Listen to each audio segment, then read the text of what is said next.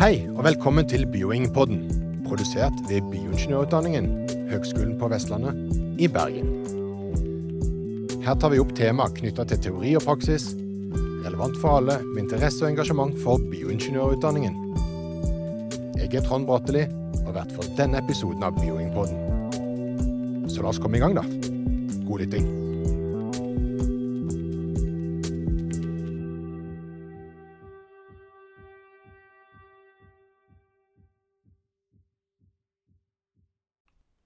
Dette er del to av genetisk veiledning. Her får vi litt mer om de etiske utfordringene man kan ende i, og som kanskje pasientene vil stå i, når man gjennomfører genetisk veiledning. Etikk har jo et veldig sånn sterkt fokus i dag, og, og, og det er bra på mange måter. Hvilke etisk, hva er de største etiske utfordringene dere møter med genetisk veiledning?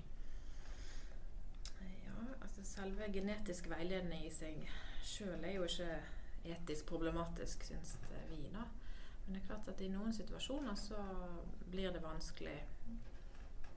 La oss si det er en kjent genfeil i familien som gir høy risiko for kreft. Eh, som er viktig at kommer ut i familien. da, Så blir det veldig problematisk for oss hvis pasienten ikke deler den informasjonen til de som trenger den. Sant? Da kan kan det sitte familiemedlemmer og ikke vite om dette. Eh, så det er informasjon som de har krav på, og vi kan ikke informere dem. Vi kan ikke gjøre, drive med oppsøkende genetisk virksomhet. Så det er klart at det, er, det kan bli fryktelig vanskelig, og da er det viktig at vi, at vi får pasientene til å forstå betydningen av at familiemedlemmer får informasjon.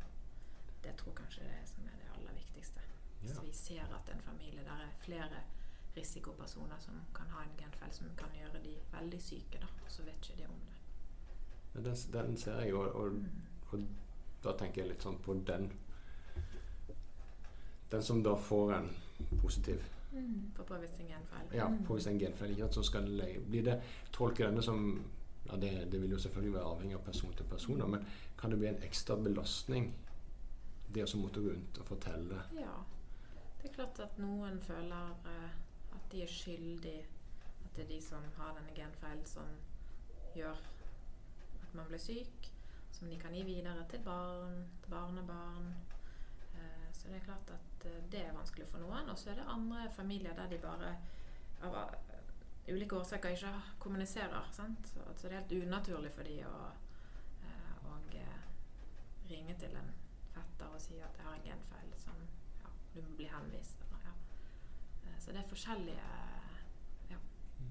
For her lurer jeg på hvordan eh, Her kjenner jo ikke jeg lovverket, Mm. eh, men har man plikt til å informere pasientene, tenker du? Ja, det er, altså, jeg som Ja. pasient da, har, vil jeg ha, måtte ha plikt til å informere mine i holdt jeg på å si, i naturlig arverekkefølge. Ja. Både opp og ned, for det går jo begge veier.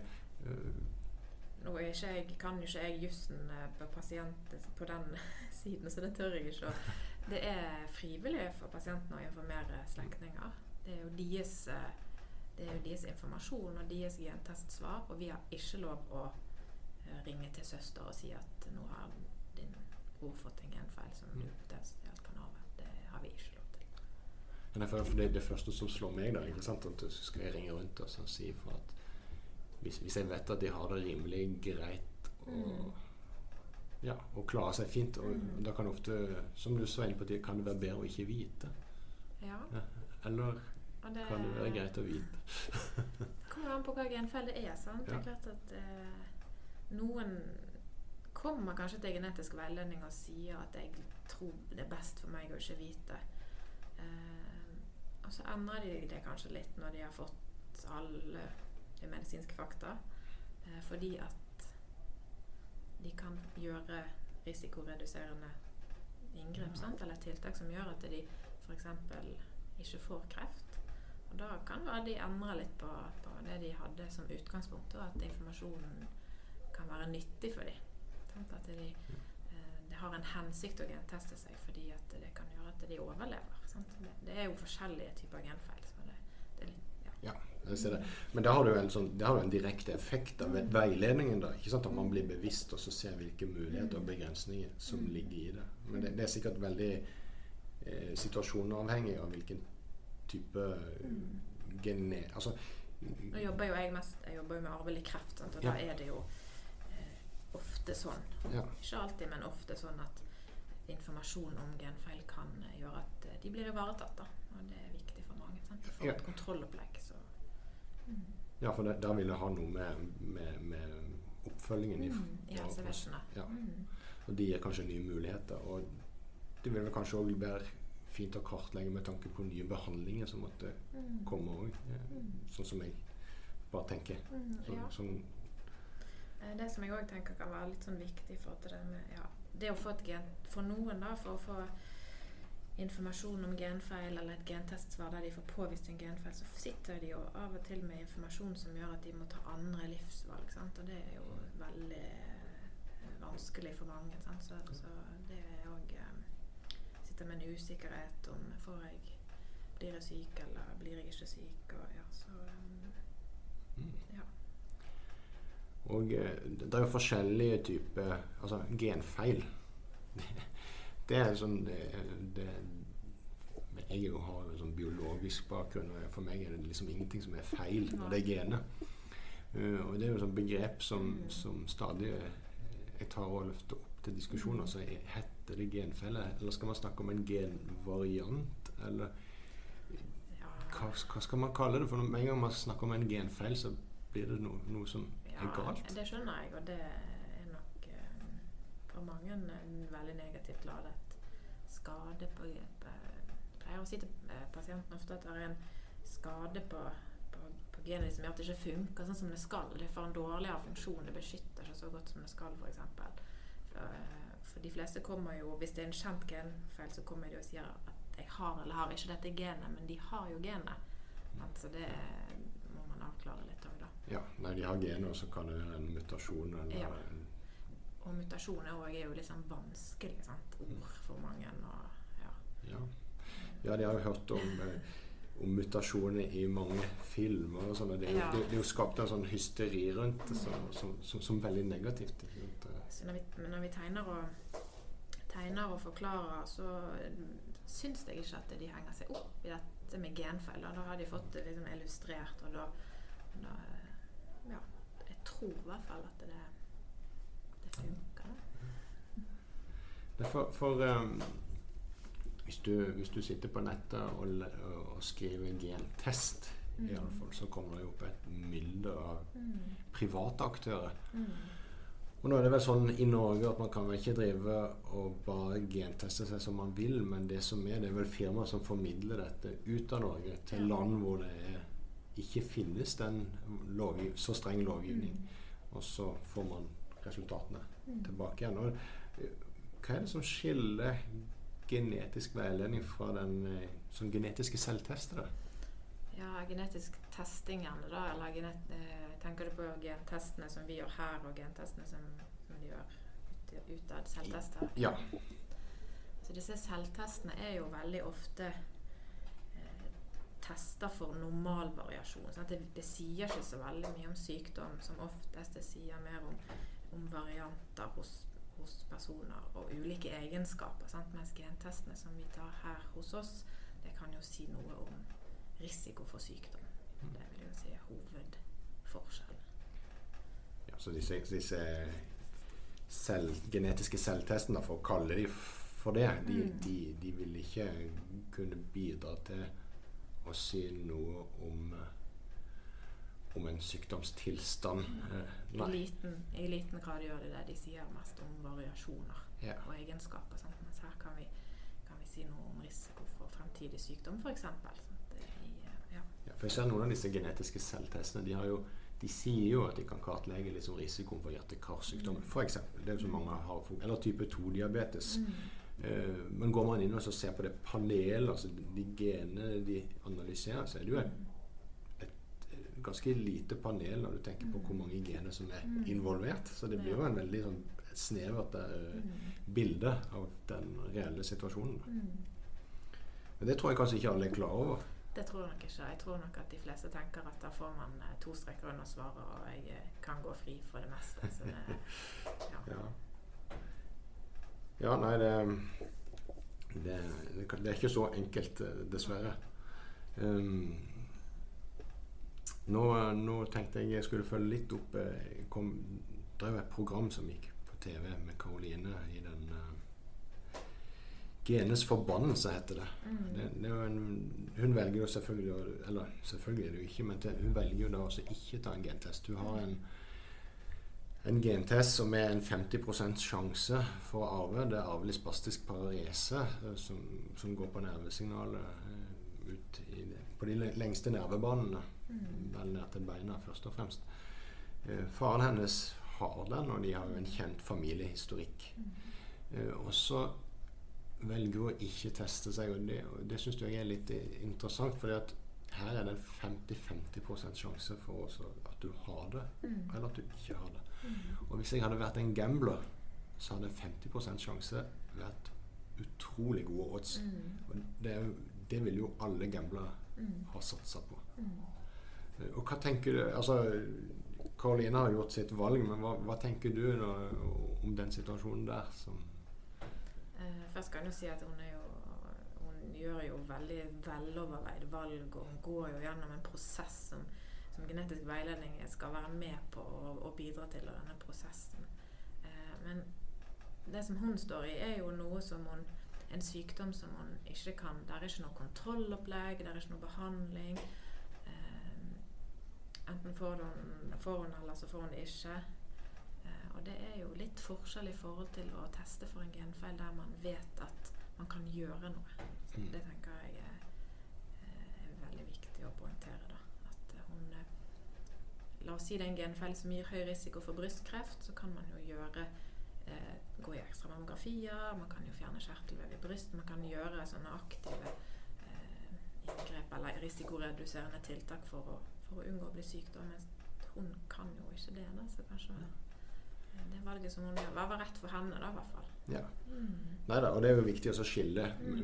hva, hva er det egentlig man tester, og, Ja. og hvorfor man tester. Så det, Hva det, skal du med den informasjonen som du får, da? ja. Så du bruker det til. Ja, og det, det skjønner jeg jo er en veldig sentral del av den genetiske veiledningen. Så, Så nei, det, jeg syns det er en veldig, veldig fin eh, Fint å følge henne akkurat i den prosessen, for du, du, du klarer nesten å sette deg inn i hennes sted. Ja, og det at hun bruker så mye krefter på det å, å bestemme seg jeg skal jeg skal ikke, det også er veldig godt illustrert. Hvor, hvor, hvor viktig det er for mange, og hvor vanskelig det kan være å, å bestemme seg. Ja. Uh, nå, nå vender vi kanskje litt tilbake. der, litt med den uh, filmen til, til Caroline og, og å gjøre, den um, om genets forbannelse. Men hvordan sikrer det seg at man virkelig forstår uh, konsekvensene av funnene fra en sånn genetisk uh, undersøkelse? Én ting er veiledning, men så kommer du på den andre sida igjen, og så får du et resultat. Mm. Spør jo pasientene mine hvordan tror du det vil være for deg å få et svar.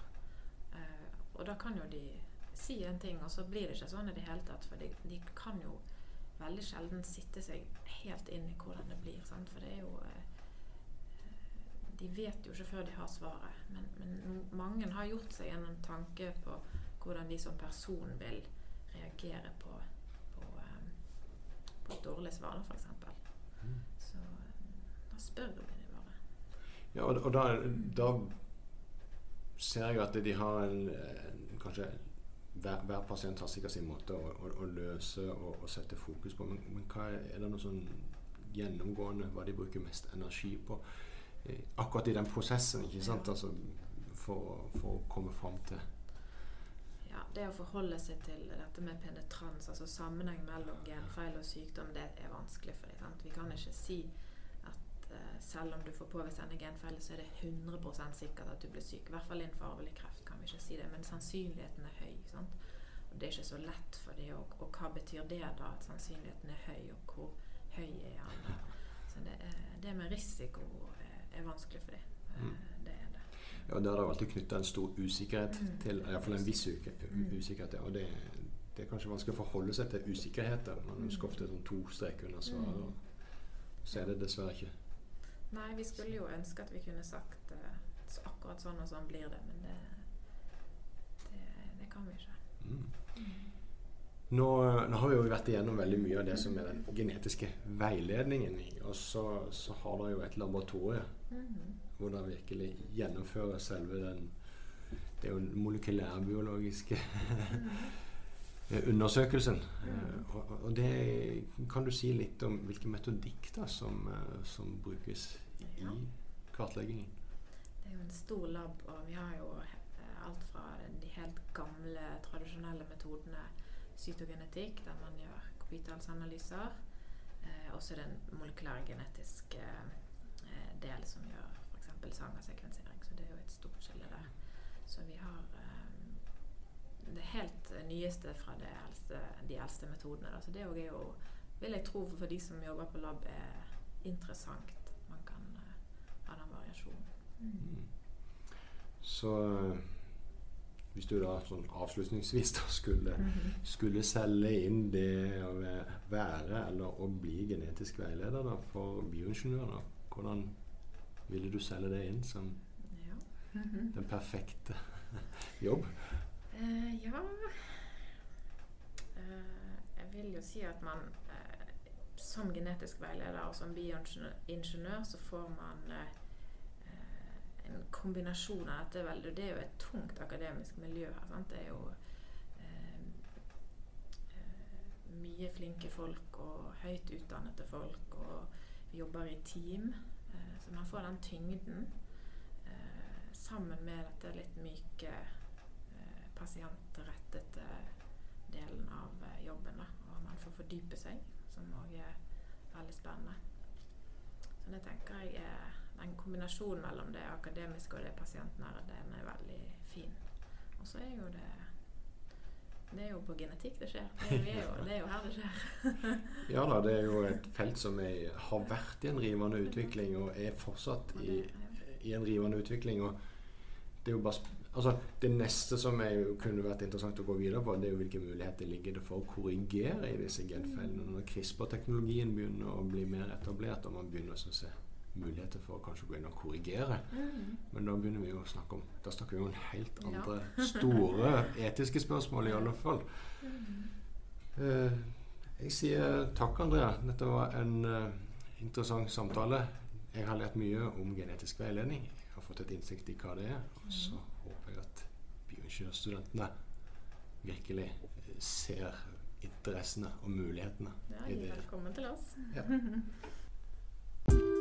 Takk for at du har tatt deg tid til å lytte til denne episoden av Bioingpodden. Vær oppdatert og få med deg nye episoder etter hvert som de publiseres. Bioingpodden, en podkast fra Høgskolen på Vestlandet for alle med interesse og engasjement for bioingeniørutdanningen. Vi høres.